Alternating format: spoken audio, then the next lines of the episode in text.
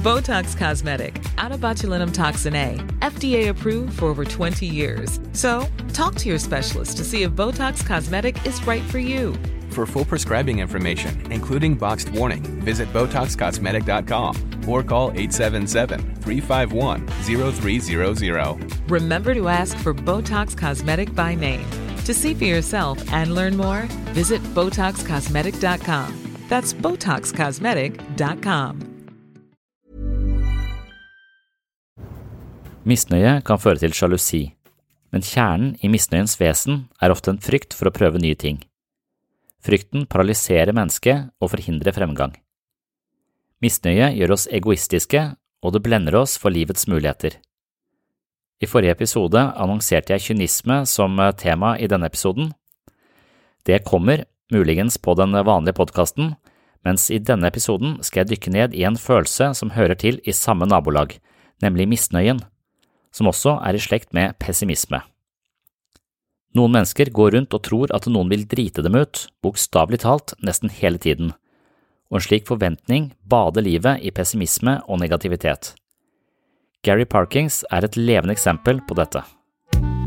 Baker er en teoretiker som refererer til misnøye som a sense of vacancy in one's life, altså en følelse av tomhet. Misnøyen har mange ansikter. Den frustrerte lederen som går på jobben selv om han hater jobben sin, den humørsyke moren som ikke legger merke til de gode tingene i livet sitt, eller barnet som ser andre leke, men aldri tar skrittet frem for å inkludere seg selv i leken. Jeg begynner denne episoden med noen korte historier som illustrerer noe av misnøyens vesen. Alice blir med familien sin på en forestilling hvor hennes yngre søster opptrer. Søsteren er bare åtte år, men hun elsker å synge for publikum. Hun stråler når hun står på scenen. Alice ser foreldrenes eh, smilende ansikter og tenker hm, jeg kan opptre mye bedre enn henne, det er bare det at jeg ikke har eh, tid. Senere på kvelden kommer lillesøsteren hjem. Hun er full av forventninger, og det lyser fremdeles av ansiktet hennes. Hun er tydelig stolt av forestillingen og gleder seg til å høre hva familien syns. Alice oppfatter at søsteren har kommet hjem, men ignorerer henne. Hun trekker seg tilbake på sitt værelse uten å berømme søsteren for innsatsen. Roy overværer eh, prisutdelingen hvor hans profilerte kollega mottar ære og berømmelse for sin suksess i firmaet. Roy tenker på hvordan han hadde kritisert nettopp de ideene som nå ble lovpriset på scenen. Hans kritiske holdning hadde kostet ham hele kampanjen og tap av ansikt. Men jeg hadde rett. Det vet jeg, sier Roy til seg selv. Disse menneskene kommer snart til å kveles av sin egen optimisme. På et tidspunkt vil de forstå at jeg hadde rett. Mari er gift med en lege som elsker henne høyt og inderlig. Hun liker å delta på sosiale samkomster sammen med mannen sin og trives godt sammen med mannens kollegaer og deres eh, koner. Nylig møtte hun en kollega av mannen som var gift med en modell. Dama var svært slank og usedvanlig pen, men hun var til dels hovmodig og arrogant i sin holdning overfor Mari. Mari så på henne og tenkte, hvis jeg ikke hadde giftet meg med en travel lege, kunne jeg også vært modell og hatt min egen karriere. For noen dager siden hadde Mari møtt to leger som hadde viet livet sitt til helsetjenesten og ofret alt for sine pasienter og sin karriere. De hadde bestemt seg for å prioritere jobb fremfor familieliv, hvorpå de aldri skulle gifte seg. Jeg ville også ha viet livet mitt til noe viktig hvis ikke jeg hadde gifta meg, tenkte Mari, men hun var usikker på hva hun skulle foretatt seg. Hun oppfatter seg selv som smart og talentfull, men har aldri utfordret seg selv eller testet sine evner og egenskaper.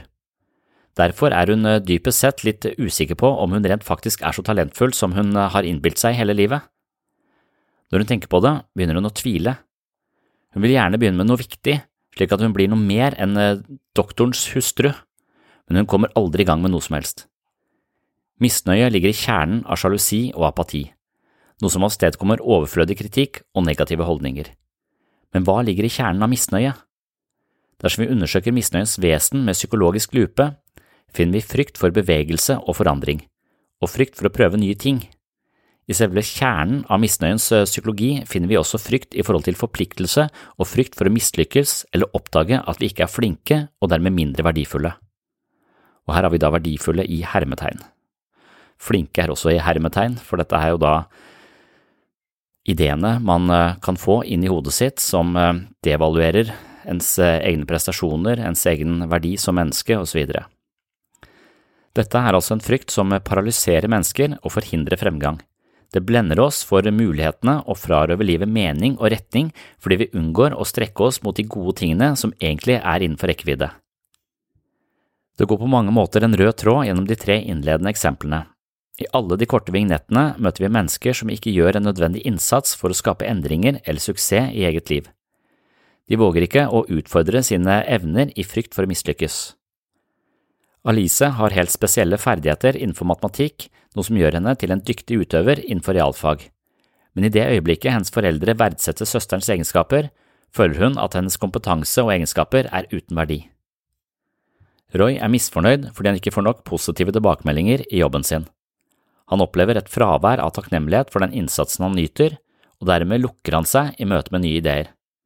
Et åpent sinn og en positiv holdning kunne gjort mye for Roy, men misnøyen stenger ham inne i et slags psykologisk fengsel. Istedenfor å drøfte nye ideer med en nysgjerrig og åpen innstilling, gjør han sitt ytterste for å undergrave og trenere nye ideer og tiltak i bedriften. Mari er på mange måter en eh, flyktig person som eh, dermed sliter med å forplikte seg. Hennes manglende evne til å investere i et eh, utdannelsesforløp eller en jobb plasserer henne i en generell misnøye og en underliggende tvil på egne evner. Hun har også problemer med å forplikte seg til sin mann og tidvis opplever hun ektemannen som en begrensning på sin egen frihet. Men sannheten er at begrensningene i livet hennes skyldes frykt for å mislykkes dersom hun selv tar ansvar for å skape en positiv forandring eller legger en plan for å nå sine mål. På denne måten mister Mari også øyet for de tingene hun faktisk har, blant annet en flott ektemann som elsker henne og et potensielt sett solid ekteskap. Alice har skolemessig sett ikke dratt veksel på sine egenskaper innenfor realfag, og lillesøsteren, Maria, har ennå ikke funnet sin plass. Alice observerer foreldrenes reaksjoner på søsterens sang og føler seg usikker. Mari er imponert over den vakre modellen og skulle ønske hun kunne være som henne. Hun klandrer sin mann og deres ekteskap for at karriere som modell aldri ble noe av. Når en ny tanke eller idé uttrykkes, kan man kontemplere den med en åpen holdning og se til muligheter, eller man kan avvise den umiddelbart, slik som Roy. Dersom livet er farget av misnøye, vil livskvaliteten gradvis ebbe ut. Den eneste måten å overvinne misnøye på er å anerkjenne og gjenopptage sin egenverdi. Her kan man få hjelp av en enkel øvelse hvor man simpelthen lister opp sine positive egenskaper og de elementene i omgivelsene som gir glede eller tilfredshet. Det handler om å åpne øynene for de verdiene som allerede ligger innbakt i ens liv, Misnøyen farger tilværelsen med en negativ stemning som gjør at man går glipp av de eksisterende verdiene man har rundt seg. Samtidig er situasjonen ofte låst fordi man nettopp vegrer seg for å skape forandringer på grunn av den underliggende frykten for ytterligere tap av verdi. Det kan da være verdi både utenfor seg selv og verdi som menneske eller sin egenverdi. Gjennom en slik øvelse, altså fokus på de tingene man allerede har og ikke det man ikke har, vil Alice forhåpentligvis innse at hun er høyt begavet på områder som er forskjellige fra hennes yngre søster. Mari vil forhåpentligvis gjenkjenne det sterke båndet som er mellom henne og mannen, og ikke minst oppdage at hennes egenverdi ikke er betinget av en karriere som modell eller sosial status. Hennes definisjoner av å være vellykka omkranser begreper som betyr lite. Når hun er i stand til å lytte innover på egne følelser og behov, og frigjøre seg fra fokus på sosiale standarder, vil hun klare å finne et eh, bestemt område som hun brenner for. Dermed har hun også muligheten for å forplikte seg til dette på en genuin måte, og gevinsten er en følelse av mening og fylde snarere enn misnøye og tomhet. Hun vil også oppdage at det mot til å ta ansvar og stake ut en egen kurs i livet ikke trenger å stå i noen motsetning til et ekteskap og familiære forpliktelser. Dersom hun brenner for noe på en ekte måte, vil hun finne en vei å gå. Selverkjennelse er også en oppgave som blir viktig for Roy. Hans måte å uttrykke egenverdi på er i bunn og grunn en tildekning av en underliggende lav selvfølelse. Han føler seg forbigått og lite verdsatt, først og fremst fordi han ikke klarer å se seg selv i et positivt lys. Han er avhengig av andres anerkjennelse for å føle seg vel, og på den måten blir hans selvfølelse sårbar. Lykke og tilfredshet handler ofte om å hvile i seg selv slik at man ikke er avhengig av andres bekreftelser i altfor stor grad. Når kollegene til Roy ikke alltid legger merke til hans innsats, blir dette tungtveiende for Roys selvfølelse, og på den måten utvikler det seg et negativt mønster slik vi så i den innledende vignetten. I denne prosessen må Roy tone ned de negative innskytelsene han får i forhold til andres innsats og ideer. Han må forsøke å etablere mer tålmodighet og ikke la den indre negative dialogen overstyre hans oppfattelse av tilværelsen. Roy er på mange måter svært forutinntatt, noe som gjør at han i liten grad lytter til andres forslag, særlig dersom disse strider imot hans egne oppfattelser. Dette gjør Roy til en vanskelig samarbeidspartner, og hans sårbarhet vil komme til uttrykk gjennom passiv aggresjon og negativitet. Misnøye er noe som opprettholdes ved at man forteller seg selv hvordan andre har oppnådd noen fordeler på en urettferdig måte. Fordelene har kanskje gitt dem suksess og lykke, men egentlig hadde de ikke fortjent slike fordeler. Her er det misunnelse som forsterker misnøyen på en slik måte at man ikke legger merke til egne fordeler og muligheter, simpelthen fordi man er så blendet av andres urimelige medgang.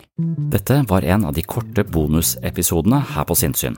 Målet mitt her er å servere noen tanker og lettbeinte poeng som du kan ta med deg inn i de neste dagene, gjerne i påvente av en ny fullverdig episode som kommer ut på mandag. Det du hørte her i dag er hentet som et lite utdrag fra mitt mentale treningsstudio. På Sinnsyns mentale treningsstudio finner du hundrevis av eksklusive episoder, videoforedrag, kurs og mentale øvelser fra sinnssyn. Som medlem på mitt mentale treningsstudio inviterer jeg deg på en reise langt inn i sjelslivets ubevisste avkroker.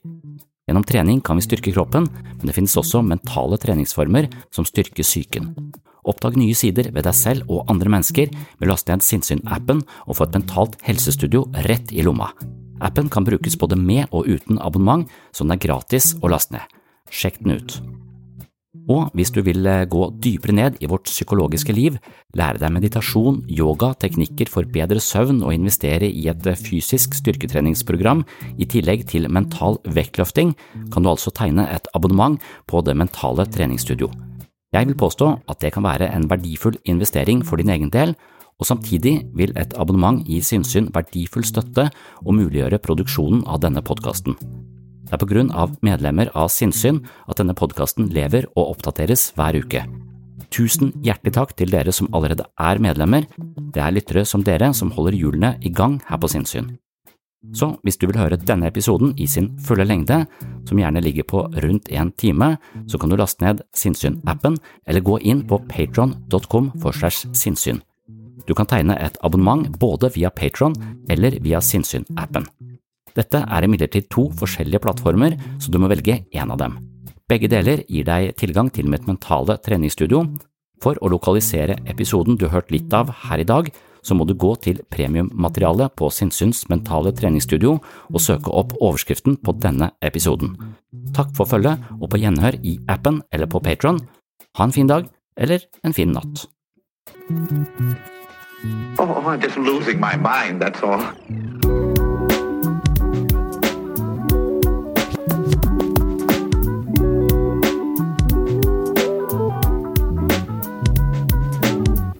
Discuss some of the I can discuss some of the I can discuss some of the psychological aspects of the case. Psycho, psycho, psychological aspects of the case. You've got to get a hold of yourself.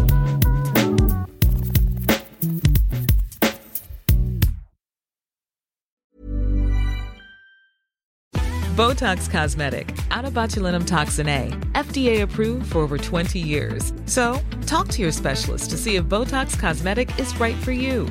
For full prescribing information, including boxed warning, visit BotoxCosmetic.com or call 877-351-0300. Remember to ask for Botox Cosmetic by name. To see for yourself and learn more, visit BotoxCosmetic.com. That's BotoxCosmetic.com.